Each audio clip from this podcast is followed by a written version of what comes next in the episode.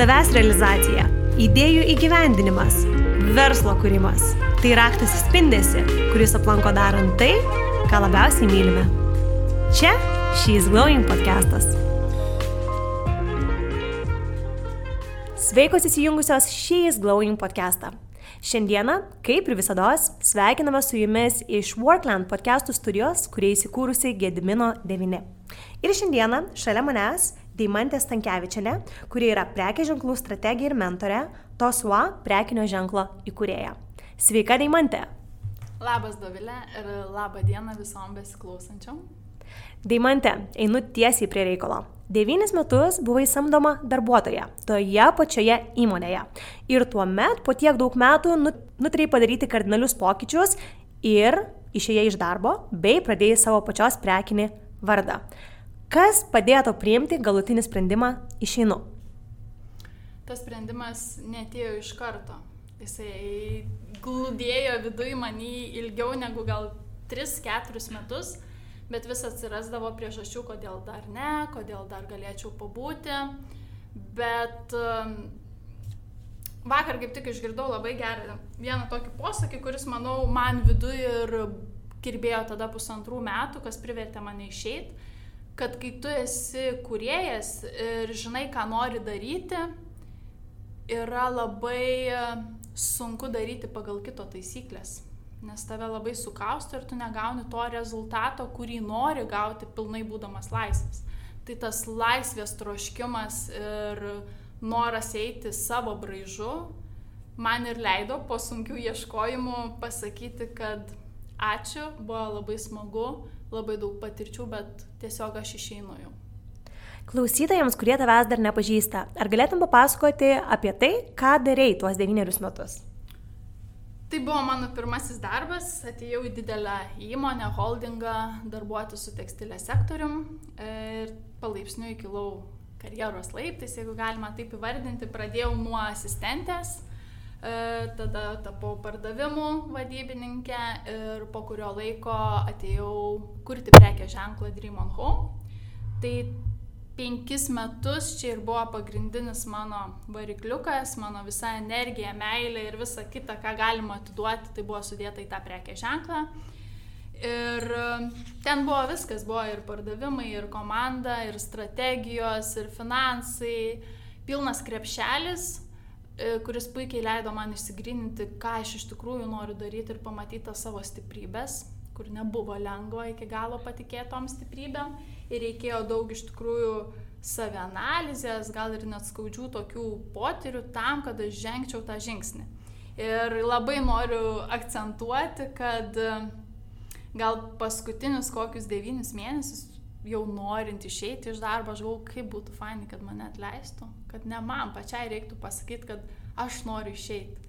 Daug lengviau, kai atiduodi kitam atsakomybę. Bet teko prisimti pačiai ir turėti ir skaudų, ir fainą pokalbį, nes tikrai buvo labai skaudu, čia kaip pirm, pirmokai išleisti pirmą klasę, tai taip aš viduje susiformavau, kad aš užauginau kitam lygio tam tikro šitą prekę ženklą ir perleidžiu kažkam kitam o aš jau einu tas pamokas auginti pati savo braižu iki galo. Hmm. Dream On iš ties labai gerai žinomas ir populiarus prekės ženklas. Ir tu buvai nuo jo pat pirmųjų dienų, ar ne? Jo. Ar galėtum pasidalinti, kaip gimsta tokie dideli ir sėkmingi prekiniai vardai? Ar būna aiškiai sudėliota strategija, ar daroma iš intuicijos ir pajūtimo, ir kaip šias pamokas gali pritaikyti mažesnėje verslai? Visi gimsta nuo mažumės. ir labai, va, iš tikrųjų gerą temą palėtė į Dovilę, nes dabar, kai mes žiūrim į prekės ženklą, kuris gyvuoja 6-7 metus, mums atrodo, wow, kaip čia buvo stipru, kiek daug jie visko padarė. Bet jeigu aš atsukčiau tuos metus į 2016, 2016 metus, tai aš atėjau, buvo vadovas ir buvau aš, prekės ženklo tokia pagrindinė darbų ir misijų, vizijų vykdytoja. Ir aš ten buvau pradžioje viena. Aplink buvo išoriniai žmonės, kurie kažkiek padėjo, bet tuos giluminius dalykus tu neši vienas ir bijai, ir bijai išleisti kažkur daugiau tam finansų, nes nori gauti greitą atsaką. Ir tada po truputį ta komanda augo, prisijungė gal po pusmečio žmogus ypatingai stiprus su e-komercija, kuris labai padėjo žengti į priekį. Tada mes abu kalėdų dieną važiuodavom siūsti sintas. Tai visą tą mes praeinam nepalyginamai ar nuo to mes ar dideli jau esam, ar maži, startas visų yra vienodas.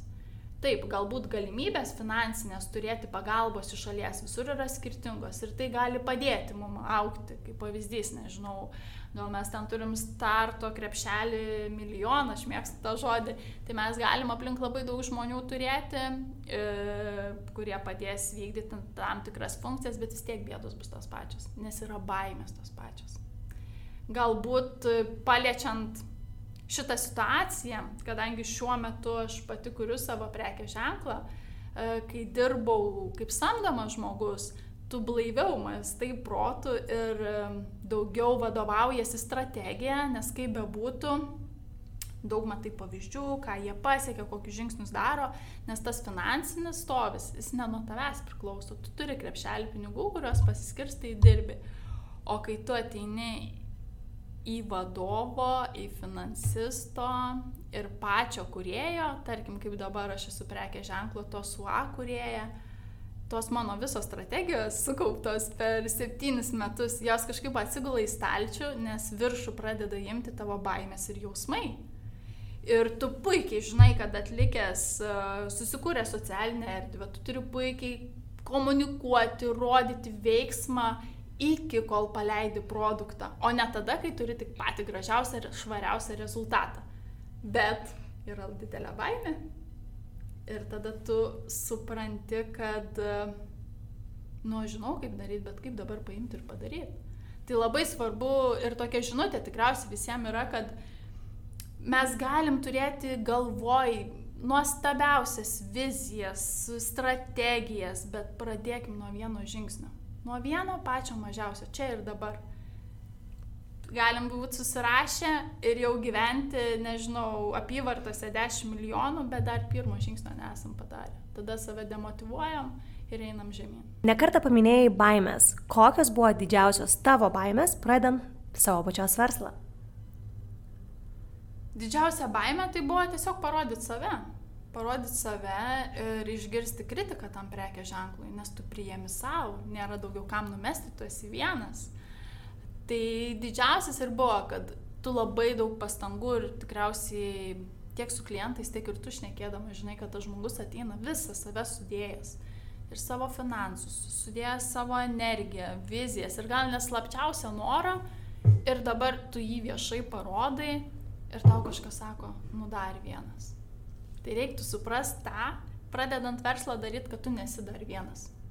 Nes tokio pat antro žmogaus, kuriančio kaip tu, ir jeigu tu atvirai kuri ir transliuoji savo žinutę, nėra ir niekada nebus.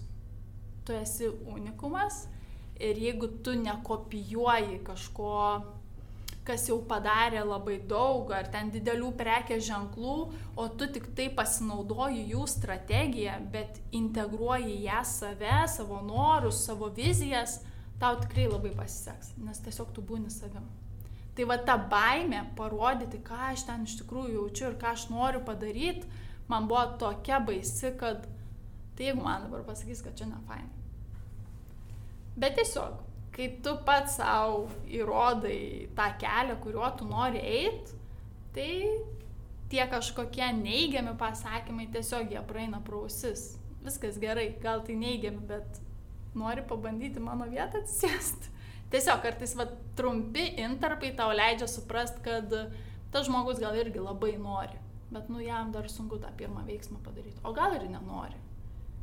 Mūsų pasirinkimai, kaip mes norim kažką priimti, kaip ką norim daryti. Labai gerą, vat, coachingo sesijoje vienoj, po jos tiksliau man atėjo tokia mintis apie pasirinkimus, kurie iš tikrųjų palengvino mano gyvenimą tiek ir verslo kūrime, tiek konsultavime klientų, tiek asmeniniam gyvenime. Žinai, mes visi stovim pasirinkime. Pavyzdžiui, atidaryti mėlynas duris ar raudonas. Jeigu aš viduj kaip deimantė noriu atidaryti mėlynas duris, aš atsidarau ir nėra kam numestos atsakomybės, jeigu man kažkas nepatinka už tų durų. Bet jeigu aš noriu kaip deimantė atidaryti mėlynas, bet man draugė sako, nu daryk raudonas, ne faina ta mėlyna spalva. Nu, bet aš noriu mėlynų. Nu dar mama gal kažką pasakė, geriausia draugė, vyras, gal kažkas kažkur, aš atidarau tas raudonas, gal ten labai fainas rezultatas, bet jis nėra mano. Ką aš darau, tada pykstu ant kitų, nes tų mėlynų durų dar netidariau. Daimante, nepaslaptis, kad matėjai ir augantį tarptautinį prekinį vardą. Dabar vystai savo ir mentoriauji tiems, kurie dar tik augina savo prekinius vardus. Kokias dažniausias klaidas matai? Kaip ir atėjau tikriausiai čia pakalbėti su tavim, ne klaidą matau, bet tikriausiai trūkumą galbūt. Mes, kai kuriam savo prekės ženklą ar vystom kažkokius prekės ženklus, mes visi turim planus, strategijas, kurias mes norim pasiekti, bet ar tikrai jos visos yra tikros. Tai lygiai taip pat aš kurdama savo prekės ženklą, e, pačioj pradžiai galvojau, kad, okei, okay, noriu pasidaryti savo darbo vietą, bet viduj aš norėjau susikurti tarsi tokį simbolį, kuris mane ves link mano didžiausio tikslo šiandien dienai, kuris yra. Tai tas didžiausias trūkumas pradedant verslus, kur negaliu sakyti, kad suklysta, čia tikriausiai mūsų visų pasirinkimai, bet palengvintų tą pradžią, jeigu mes atvirai atsakytumėm, ko mes tikimės, kurdami prekė ženklą arba paslaugą. Kaip pavyzdys, galbūt mes ten esame interjero dizaineris, nu, nutarėm tapti, pradedam komunikuoti socialinėje erdvėje, tai reiktų savęs paklausti, ar, ar aš noriu turėti darbą, ar aš noriu viešai parodyti savo kūrybą, ar aš noriu iš to gyventi, ar tai yra pagrindinė mano veikla, ar tik priduriama kažkokia, ar aš noriu edukuoti apie interjerą. Ir kai mes tą jau ašį savo atsakom, tada ir kitus veiksmus pagal tai dėlioti, nes dažniausiai būna, kad mes nenorim kažkaip pasirodyti gal negeri, nenorim pasakyti, kad norim uždirbti tą milijoną. Ne, aš noriu edukuoti. O širdėjai, širdėjai giliai viduje mes norim uždirbti milijoną. Ir čia nėra blogai, čia yra labai gerai žinoti savo pagrindinę vertę, tikslą, kryptį. Tai čia tikriausiai ir yra pagrindinis trūkumas, kada verslai greitai sustoja. Nes mes nepasakom, ko iš tikrųjų norim, per greitą laiką nepasiekiam, kaltinam visus ir galvojam, man nepavyko. Nors tikslas buvo, žinai, greitai uždirbti pinigų, o ne sukurti kažką gražaus ir edukuojančio. Deimantė, labai teisingos mintis ir tikrai pritariu tam, ką sakai. Ir kaip ir mes kalbėjome dar prieš pradedant rašinėti šį podcastą, labai dažnai žmonėms sėkmė gali būti labai labai skirtinga. Ir vienam tai ir gali būti galimybė pakeisti savo darbo pajamas ar ne. Ir to pilnai pakaks, tačiau nereikės, pavyzdžiui, galbūt galės dirbti mažiau arba galės skirti daugiau laiko šeimai. Kiti nuoširdžiai svajoja, kad jiems daug pardavimų būtų generuoti bent jau 100 tūkstančių apyvartą per mėnesį. Tai to neįsigryninus tuomet yra labai sunku ir suprasti, kada aš einu tikslingai link savo svajonės, link savo nuoširdžių tikslų ir tų tikslų, kurie yra man iš tikrųjų aktualūs, o ne na, nematom, kad kiti žmonės to siekia. Nes tai, ko siekia kiti, nebūtinai reiškia, kad tai yra ir mūsų svajonė ir tikslas, ar ne? Jo, labai teisingai pasakė ir dar noriu šitoj vietoj paminėti antrą trūkumą ar tokį stabdį iš tikrųjų, kur žmonės pradeda savo verslus, paslaugas, komunikacijas labai labai talentingi ir kūrybiški, bet jų motivacija labai greitai nukrenta, nes jų autoritetai yra ypatingai žinomi prekių ženklai, galbūt mentoriai, kažkokie lektoriai. Ir mes atsistoję į tą starto poziciją, vizualą matom 10-15 metų įdirbį turinčius žmonės ir norim čia ir dabar to pasiekti. Privedant prie to, kad lygiai taip pat kaip aš išėjau iš Drimono ir leidau savo patostagauti 9 mėnesius, panalizuoti iš tikrųjų tą tikrąjį savo tikslą, ką aš noriu daryti, ir pradėjau kurti to suo. Ir pati padariau kelis trūkumus, e, kur puikiai žinau kaip prekės ženklų strategija, kad nereikia to daryti. Pavyzdžiui. Pavyzdžiui, e, aš išėjus iš Drimon žinau, kad mes, mus seka 10 tūkstančių, gal dabar jau ir daugiau sėkėjų. Puikiai žinojau, kiek e, mes darom pardavimų per mėnesį ir kokiu tikslu siekiam. Aš kai ta pati e, vairuotoja atsistoju už kito vairo ir galvoju, pradedu to suo, padarau gerą fotosesiją, susiorganizuoju nuostabų tinklapį, bet niekur apie tai dar kol kas nepasakoju. Pradedu pasakot, kai jau esu paleidusi starto mygtuką ir galvoju, palauk, pas mane tai nulis sėkėjų, apie mane tai niekas nežino. Ir tada, o ta energija visa, kurią įdėjau, jinai negrįžta. Nėra pardavimų, niekas nežino, per mėnesį užauga ten šimtas sėkėjų, tų lėšų didelių reklamai neturi ir toks viskas. Kas toliau? Kas toliau? Niekam neįdomu. Uždaryti prekinį vardą. Uždaryti prekinį vardą. Tai man labai smagu, kad aš turėjau daug praktikos, suvokimo ir patirties, kad į man te čia viskas gerai, tavo baimė suveikia, tu norėjai idealų rezultatą parodyti niekam, nes nesukūrė iki tol tos bendruomenės, kuri eitų paskui tave. Tai čia antras trūkumas mūsų yra, kad um, nemokam nusinulinti, nežinau, ar galima tokią savoką pa, mhm. panaudot, kad dažnai žmonės išėję iš tam tikrų prekės ženklų atsistoja vėl į tą pirmoko, kaip bebūtų, tai yra pirmoko pozicija, nes yra tavo baimės, e, emocijos tam tikros ir mes nenusinulinam iki galo, kur mes esam ir kad viskas pasikeitė.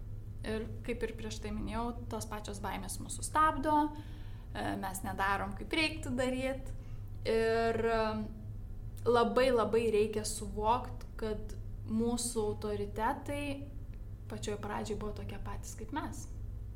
Tai ir čia yra tas pagrindinis toks antras dalykas, kuriam reiktų nepasimesti ir nesvarbu, kiek mes metų kuriam savo prekės ženklus, galbūt dešimt, bet dabar yra tas momentas, kai nėra pardavimų, sunku, nėra finansų, nėra pelno, tu gal nori keisti viziją. Tai reikia suvokti vieną, kad tu negali pauzės mygtuką įjungti metam. Tu turi apie tai kalbėti ir galvoti, kaip man dabar tiem žmonėm pasakyti, kad aš šiandien nebebūsiu prekės ženklų strategija, aš gal būsiu asmenybės kūrimo lektorė kokia, ne? Tai nenutraukti tų dalykų, visur vyksta pokyčiai. Tai mums reikia tik judėti į priekį ir informuoti žmonės, ką mes darom. Tam, kad išlaikyti jų pasitikėjimą ir būti atviriem. Tai manau, čia pagrindiniai dalykai, kur mes turim suprast ir kas mus ves į tą mūsų didįjį tikslą, kuris atneš naudą, energiją ir pildys mūsų resursus tam, kad galėtumėm vėl kurti kažką naujo. O kalbant apie tavo pačios prekės vardą, kaip ir sakėjai, ar ne, pradėjai vystyti ir čia tokių rezultatų ir tos grįžtamosios energijos, kol, na, nėra, ar ne? Ką tu nutrei daryti tuo metu? Spausti gazą dar stipriau, atsitraukti, keisti kryptį? Visų pirma, aš žinojau, kad tai nebus e, mano veikla, iš kurios aš gyvensiu. Dar norėčiau ir savo pati dar kartą priminti, kad prekės ženklas gyvuoja apskritai nuo starto septynis mėnesius. Tai, tai buvo mano tikslas eiti kartu su savo klientu per lygiai tas pačias baimės, kaip ir jisai eina. Ir tai yra dar vienas mano įrankis, kuris stiprina mano kaip prekės ženklo strategijos poziciją. Nes man labai lengva pasakyti atėjusiam, kad išleiskim testavimuisi, reklamai socialiniuose tinkluose, Facebook'o atsose, na, 1000 eurų mėnesiui. Tas žmogus nedaro pardavimų. Iš kur jam gauti?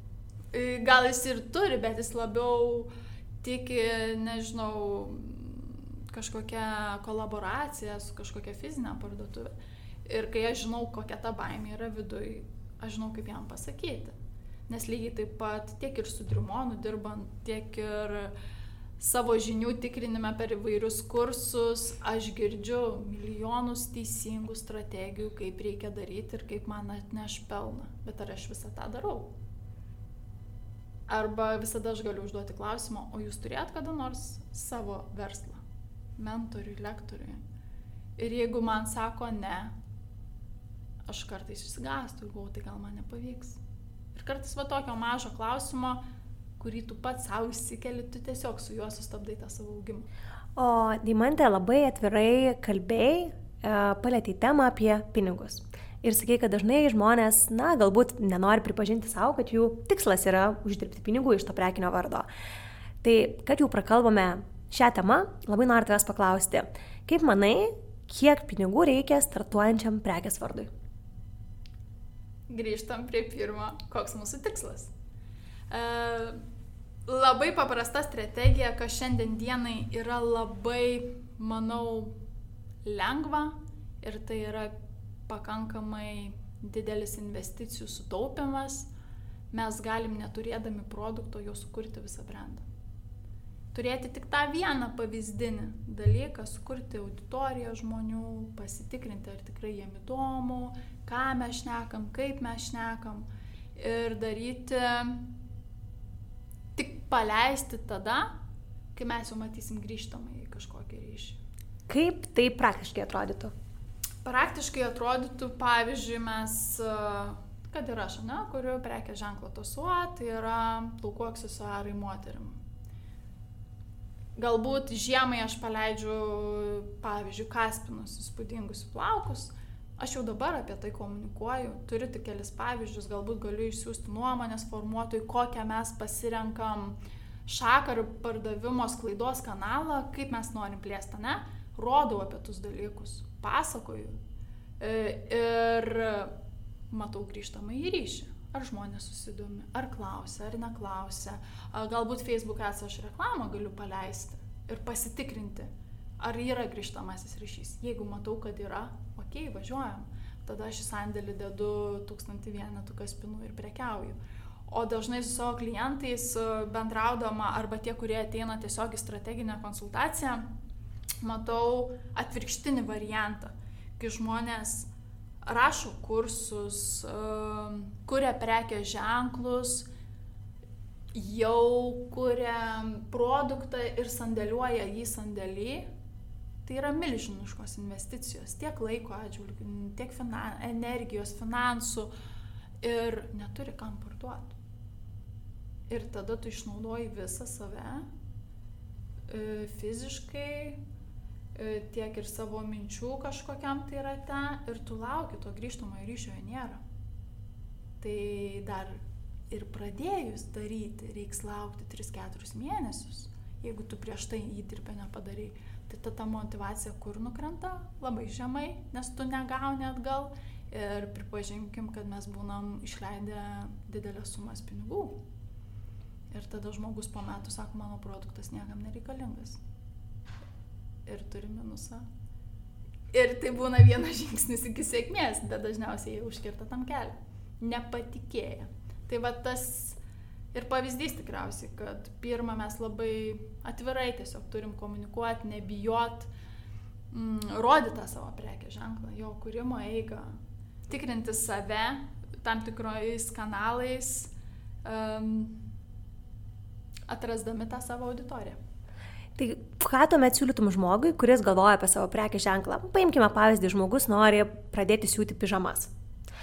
Nežinau, ar tos pižamos bus sėkmingos, turi daug noro ir užsidėgymo. Kaip manai, kada tas žmogus turėtų susikurti socialinę mediją, pradėti apie tai komunikuoti, ką jis turėtų rodyti, jeigu tos pižamos dar nepasiūtos. Pasisiūti 10 pirmų vienetų ir pradėti rodyti jas. Kokie būtų tavo žingsniai?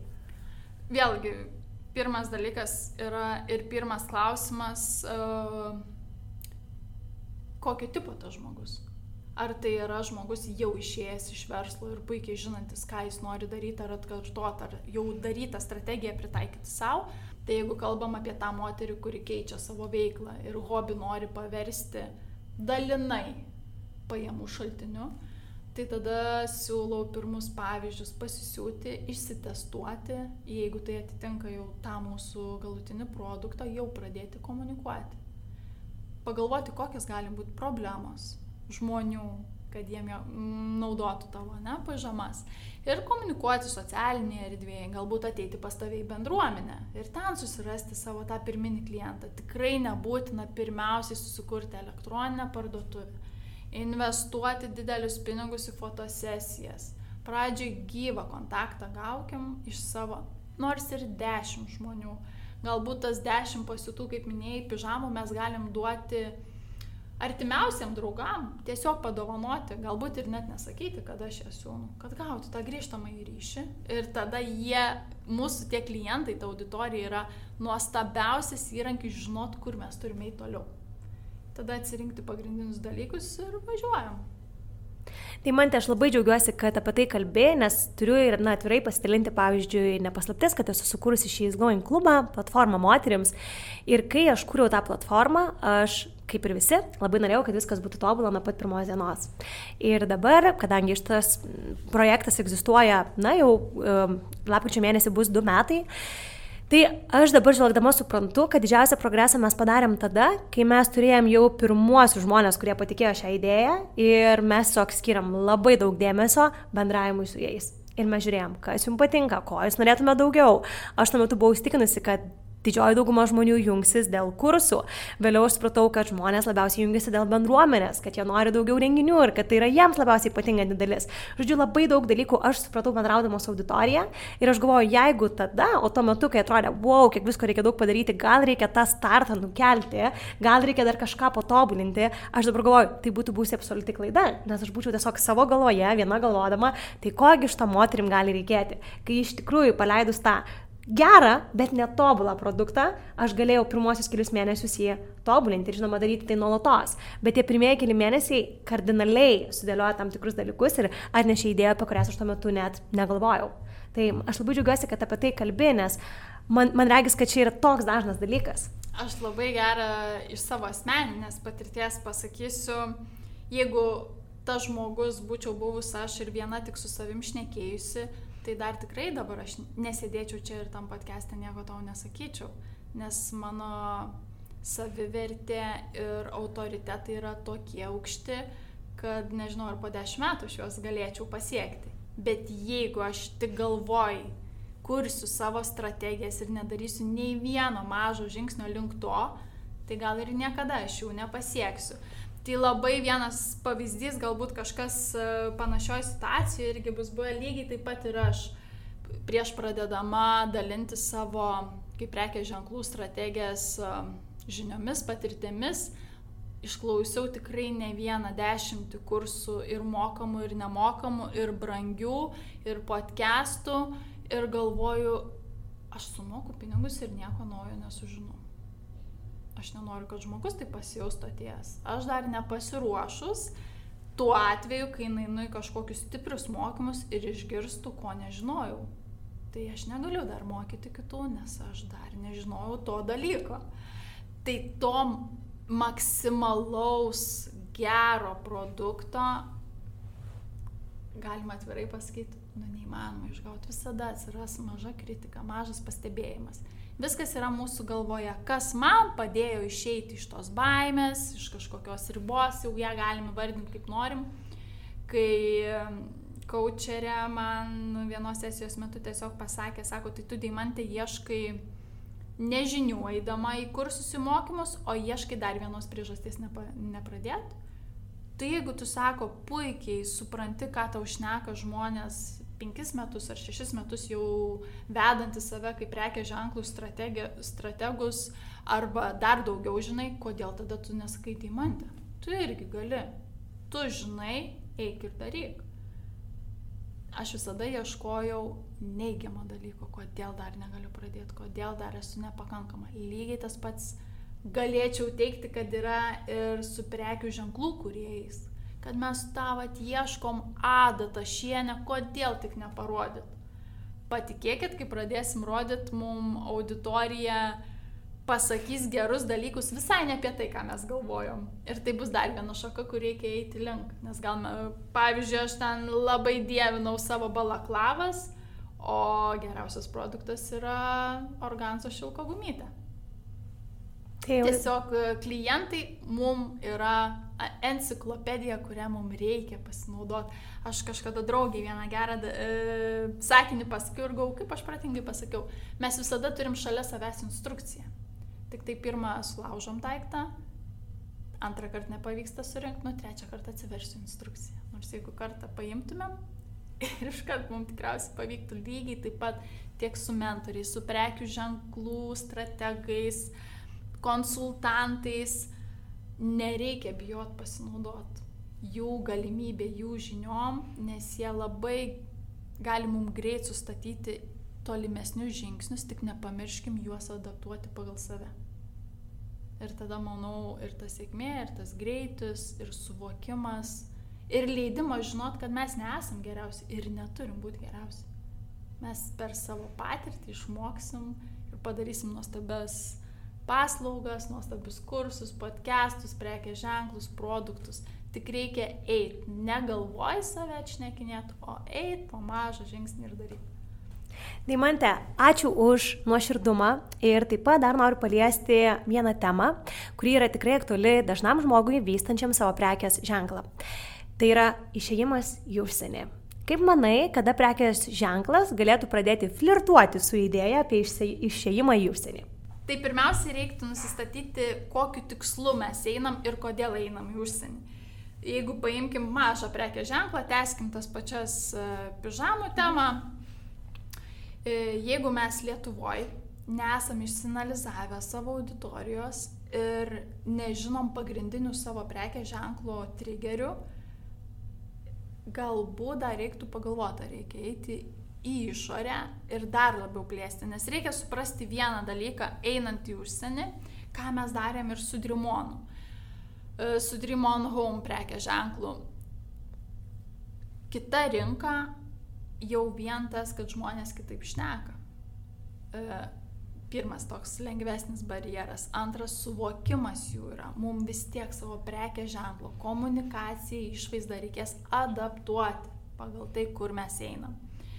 Tai visada aš apie užsienį savo klientam, su kuriais kartu darbuojame, sakau, ar mes jau čia esam išsigryninę pagrindinės vertybės, strategijas, kurios mums puikiai eina Lietuvoje ir ar jas galima adaptuoti užsienį. Ar mes tiesiog neriam, dedam nemažus finansus ir ten iš naujo viską kuriam. Nes tai, kas veikia mums Lietuvoje, nebūtinai veiks ten. Tai pagrindas ir yra žinoti tikslo, ko mes norim. Jeigu norim turėti kuo daugiau uh, tik žinomumo, tai kainuos mums daug, jeigu neturim patirties ir išsianalizavę Lietuvos, Pabaltijo rinkoje savo prekės ženklo gerasias savybės, strategijas, nežinau ar verta eiti, nepasakyčiau taip. Aišku, čia kiekvienas turi labai pajausti savo stiprybės ir produkto naudingumą, jeigu tai yra labai unikalu, galbūt kažką mes naujo kuriam galima rizikuoti, bet reikia suvokti vieną, kad reikės įdėti labai daug finansinių, e, finansų ir mano tokia rekomendacija, kad kaip bebūtų, vis tiek reiktų ieškoti vietinio žmogaus, kuris mums padės ten suprasti tą kultūrą. Nes kartais mes susiformuojam labai blogą, ne labai blogą, bet galbūt šiek tiek netinkamą supratimą apie tą kultūrą nes vėlgi ne visur yra atvirumas. E, galiu net e, šiek tiek nukrypti nuo temos, bet kartais stebiu prekės ženklus ir matau jų staigų šuoliai viršų.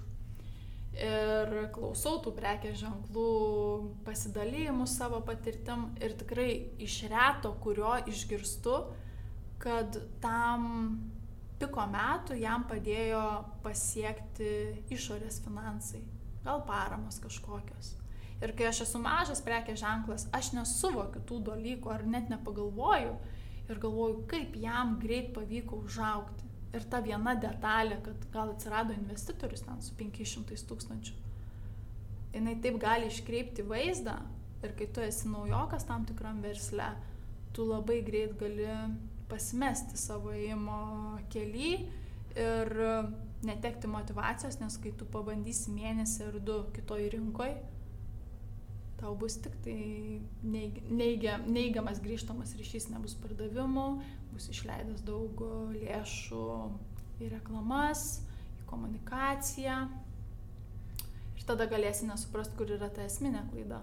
Tai dėl to labai reikalinga viduj žinoti savo pagrindinius tikslus, analizuoti strategijas, Ir aš kaip savo klientams sakau, Turiu kelis pavyzdžius, kurie daro jau trečią savo prekį ženklą ir atsiduria tam pačiam taške per dešimt metų. Paimkim, sakau, labai paprastai ir panalizuokim taip savo tris prekės ženklus.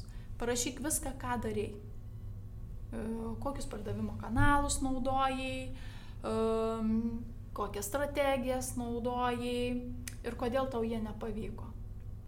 Ir antrą skiltį padarykim, ko nedarėjai tai dažniausiai būna prie tų trijų prekės ženklų viskas taip pat.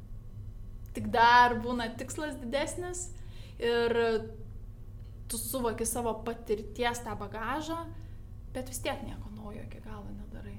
Tai kai jau kuriam kažkokį naują prekės ženklą, aš labai siūlau išbandyti kad ir mažų kažkokių nukrypimų nuo tų savo naujų strategijų. Tai jeigu kalbam apie tas pižamas, galbūt pas tave E, bendruomenė yra moterų, kurios dirba ar gyvena užsienį, jos gali tau duoti feedback, ar reikalinga ar ne, kur jos apsiperka, kad tu palygintum, padarytum analizę, suprastum kainas, įsivertintum savo savikainas produkto, išlaidas, kas yra didžiausia šiai dienai tikriausiai mažų prekės ženklų problema, kad mes pilno žemėlapio savo prekės ženklo neturim arba klaidingai jį būnam susidarę ir norim iš karto eiti ten, kur finansiškai tai yra dar brangiau negu čia pas mus. Deimantė iš ties dažnai turime tokius kaip ir du, galbūt kraštutinumus. Tai vienas yra, kai dar nėra tokių, kaip ir sakom, tvirtų pagrindų ir žmogus gal pats ne visai žino, apie ką tas jo prekinis vardas, kokie jų skirtinumai, tačiau jau svajoja šokti tiesiai į užsienį. O kitas variantas yra, kai žmogus turi iš ties na jau produktą, kur viskas galbūt sudėliota iki smulkmenų ir žmogus tikrai žino, kuo jis yra ypatingas ir ištobulintas tiek, kiek įmanoma, tačiau jisai laiko jį geriausiai išlaikytą paslaptimi. Dažnai tenka susidurti su tokia situacija? Jo, tai čia klasikų klasika.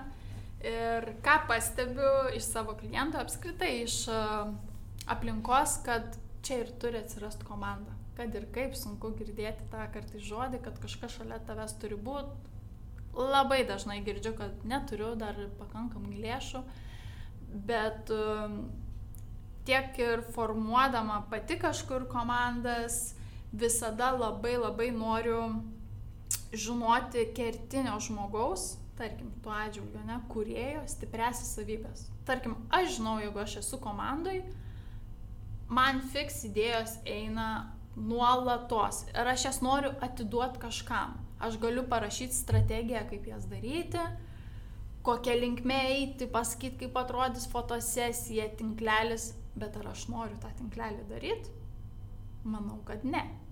Ir e, šitoj vietoj, kad nepasiekti tų kraštutinumų, mums reikia suprasti, kuriuo, kuriuose vietose mes esam stiprus, ką mes norim daryti ir nebijot pasikviest pagalbą, nes tada mes auksim daug greičiau aš žinau, kad man šalia reikia žmogaus, kuris į mano tas mintis pažiūrės šiandien dienoje esančioj situacijoje, ką aš galiu padaryti, šiek tiek mane pastabdys ir padės techniškai atlikti darbus. Gal sukomunikuoti su tam tikrai žmonėm ir nukreipti, padrasinti, sakys, tavo labai gerai idėja, tu važiuok. Ir tam mano vidiniam kritikui sustabdys tūkstančius klausimų, kodėl dar ne šiandien tas laikas. Tai čia labai puikus pavyzdys, kaip ir aš šitam podcast'e atsiradau. Tiesiog aš važiavau su Vespa ir galvoju, arba aš dabar parašau Dovilį savo idėją, arba aš dar e, porą mėnesių, o gal metų bandau pagalvoti, ar aš tikrai galiu jai parašyti. Tai taip ir visur mes turime svarstyti savo, suvokti, kad laikas bėga labai greitai. Ypač versle, suprasti, kad kiekvieną minutę kuriasi nauji verslai visam pasauliu, konkurencija didėja, ką mes prarasim, jeigu nepabandysim. Tai va tada, kai pradedam bandyti, lygiai taip pat ir formuojam savo komandą ir kad neatsiliktų tų kraštutinumų, kad turiu gerą produktą, bet bijau rodyti, arba turiu gerą idėją, bet nenoriu gal daryti, arba nemėgstu techninių darbų, tai ir nedarysiu. Tai suraskim tą partnerį, kuris mums padės, bendruomenę, kuri mus palaikys, konsultantai, kurie patvirtins, kad tu eik ir daryk. Tada nereikės daug laiko išvaistyti tik mintise vizualizuojama mūsų veiksmam, kurių dažniausiai ir nepasiryštam padaryti. Ar galime daryti išvadą, kad dažnai moteris stagnuoja vienoje vietoje ar neprogresuoja taip greitai, kaip galėtų, todėl kad pasirenka eiti šią kelionę tiesiog visiškai vienas? Taip, tai yra, manau, viena iš pagrindinių priežasčių. Ir antra iš priežasčių yra, kad visada laukiam tinkam, tinkamesnio momento negu šiandien. Nu, dar ne šiandien, dar per mažai žinau. Nu, tas nepasitikėjimas kartais atrodo, kad mes labai savim pasitikim ir um, esam ir stiprios ir viską gebam, nu bet kažkuriuose vietose vis tiek to pirmo veiksmo nepadarom. Ne, nereikia bijot būti silpnam, nes būti silpnam irgi sunku. Ir ypač labai sunku būti atviram. E, bet tai duoda labai didelį grįžtamą į ryšį ir energiją, kada tu vėl gali eiti ir daryti. Nes kai per didžiausią baimę savo, didžiausią kritiką kažkada gautą, tu dar kartą gal pakartoji tą veiksmą arba padarai ir tu susilauki įvertinimo, tai yra, nu, nežmoniškas džiaugsmas. Nu, eisiu dabar ir kitą kartą jau ta baimė netrodys tokia baisi. Tai labai iliustracija yra vienas iliustratorius Instagrame, labai gerą iliustraciją yra nupiešęs, kaip yra e, dvi duobės ir sėdi ten dvi moteris ir šalia jų padėtas akmuo. Viena iš jų taip ir lieka sėdėti, nes labai bijo. Mato tą akmenį, bet bijo lipti viršų, nes nežino, kas ten laukia. O kita moteris paėmus tą akmenį skaptuoja sienui laiptus ir lipa. Ir jinai mato, kad ten šviečia saulė užlipus ant to pirmo laipto. Tai visi mūsų rezultatai, baimės ar kažkas tikslai galbūt tai nėra iškart vienas žingsnis. Tas mūsų didžiausias tikslas, jisai bus pasiektas per daug žingsnelių ir jisai gali pasikeisti, nes gali po dviejų žingsnių atsiversti tokios galimybės, kad mes net nežinosime, kaip elgtis. Tai taip, kad reikia tiesiog visada turėti tikslą ir jį suskaidyti mažesnius žingsnius ir ten eiti ir nebijoti. Nes už didžiausias baimės slypi tai, ko mes labiausiai norim. Čia tikriausiai toks mano moto yra. Vienas iš motų, kitas moto yra, kad visos ribos ir visos baimės yra tik mūsų galvoj. Ir mes, tik aš pats jas galiu pakeisti, niekas kitas. Tai kai mes nusiteikiam kažką daryti, užsimerkiam ir važiuojam. Aš tikrai labai pritariu ir tik pantrinčiau, kad ta baime su laiku nedingsta. Gal netgi sakyčiau atvirkščiai, aš esu nekartą pasakojusi, kad pradedant savo pirmąjį verslą, aš bijojau mažiau, negu kad paleidžiant šį Going klubą, antrąją savo veiklą. Ir manau, viena iš priežasčių buvo ta, kad man atrodė, kad jeigu aš jau turiu vieną sėkmingą verslą, aš dabar turiu pateisinti tos lūkesčius ir jis turi būti dar sėkmingesnis, nes kitu atveju, kam tada šį darau. Ir tai buvo aukštas lūkestis ir visų pirma man pačiai ir aš tą lūkestį užsidėjau galvodama, kad na kiti taip galvos ir va čia aš turiu tas, tos lūkesčius pateisinti. Tai vienareikšmiškai, jeigu manot kažkas čia klausydami, kad, tas, tai kad ta baime su laiku praeis, aš sakyčiau, ne, man atrodo, kad tik tai darosi blogiau, tai tiesiog reikia daryti, nes nėra kitos išeities. Tai, čia lygiai taip pat gal man tokia, va, iškart mintis atėjo, Dovilė sugalvotų daryti rūbų prekinį ženklą. Tai aš manau, dar labiau būtų didesnė baime, gal nežinau, kokia va, tavo ta baime būtų, bet aš taip galvoju, jau tu turi tokį kiekį žmonių, kurie tave vertina, turi bendruomenę, daug sėkėjų, e, verslas, vestuvių kažkoks, o jeigu nepataikysi kažkieno stilių, ne? Nu tikrai yra baime, kuo tu labiau augi, tuo labiau tu tą savo vertę keliai į viršų taip prieš daugelį žmonių, bet ir prieš patį save tu tus tikslus tokius išsiaugini, kad kiekvieną jų taip nori apgalvoti iki paleidimo. Bet ar to reikia? Klausimas. Bet tada vėlgi galima savo priminti, kad čia yra mano startas. Taip. Ir tai, kad, kaip ir mes sakėm, tas nusinulinimas, ar ne, ir nežiūrėti, kad, okei, okay, jeigu šitas mano verslas generuoja, tarkim, nežinau, verslas X mano turimas generuoja 100 tūkstančių pelno, tai mano naujas verslas X turi generuoti bent jau 150 tūkstančių. Juk taip nėra, ar ne? Tai yra naujas startas ir Daimantė pati dalinaisi, kad tau pačiai buvo sudėtinga pradėjus kurti savo prekinį vardą, kai jis yra startuojantis ir tu vis lyginai save su prekiniu vardu, kuriame dirbai daugybę metų, galvodama, aha, ten buvo tokie rezultatai, aš dabar turiu juos irgi pasiekti. Be abejo, čia yra sunkiausias tas um, perėjimas tikriausiai Iš esmės, paimkim tokį dalyką, kai tu dešimt metų esi vis, visada dirbantis žmogus.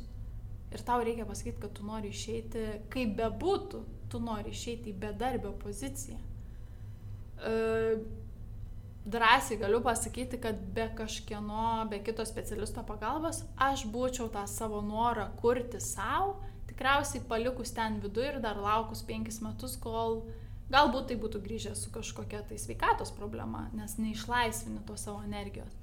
Ir kai tu atsistoji į tą nulinę poziciją, nugalvoji, nu ką tu čia, daimantėlė, darai. Bet iš esmės, kas dirba dideliuose korporacijose, puikiai suvokia ir tą dalyką, kad tu kai kyli karjeros laiptais, ne, buvai pardavimų vadovas ir po penkių metų tapai grupės vadovas. Tau reikia 18 žmonių vadovauti, dėlioti tikslus, jau tavo tikslas ne parduoti, o suvaldyti 18 žmonių darbą, kad jie generuotų dar didesnį tikslą.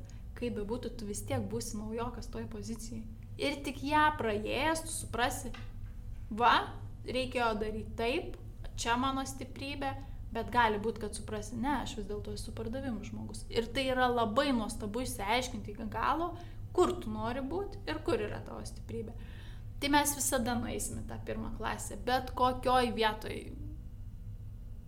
Visur, naujam versle, naujoje kūryboje, naujam savęs ieškojime, mes visada ateisim į tą pirmą klasę ir viskas gerai, nes pirmoji klasė yra pagrindai.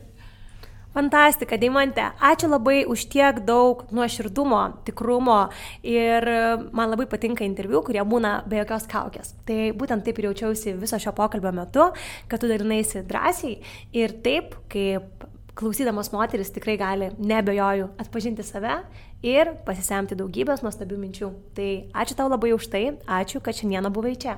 Ačiū tau, Davilė, kad mes čia susitikom ir kartu, manau, kvėpsim arba bent jau pakrapštysim tą mažą dalelę žmonių, kurie nori daryti, bet netiki. Tai labai kviečiu visus patikėti savim, nes už to slypi labai gražus dalykai. Ačiū, kad klausėsi šio šiais Glowing podcast'o. Jei nori daugiau įkvepiančių istorijų, žinių, bendrystės, renginių ir kitų nuostabių privilegijų, kurias gali gauti būdama šiais Glowing klubo nare, Keliauk tiesiai į www.sheisglowing.lt ir tap mūsų klubo nare. Pasimatysime ten.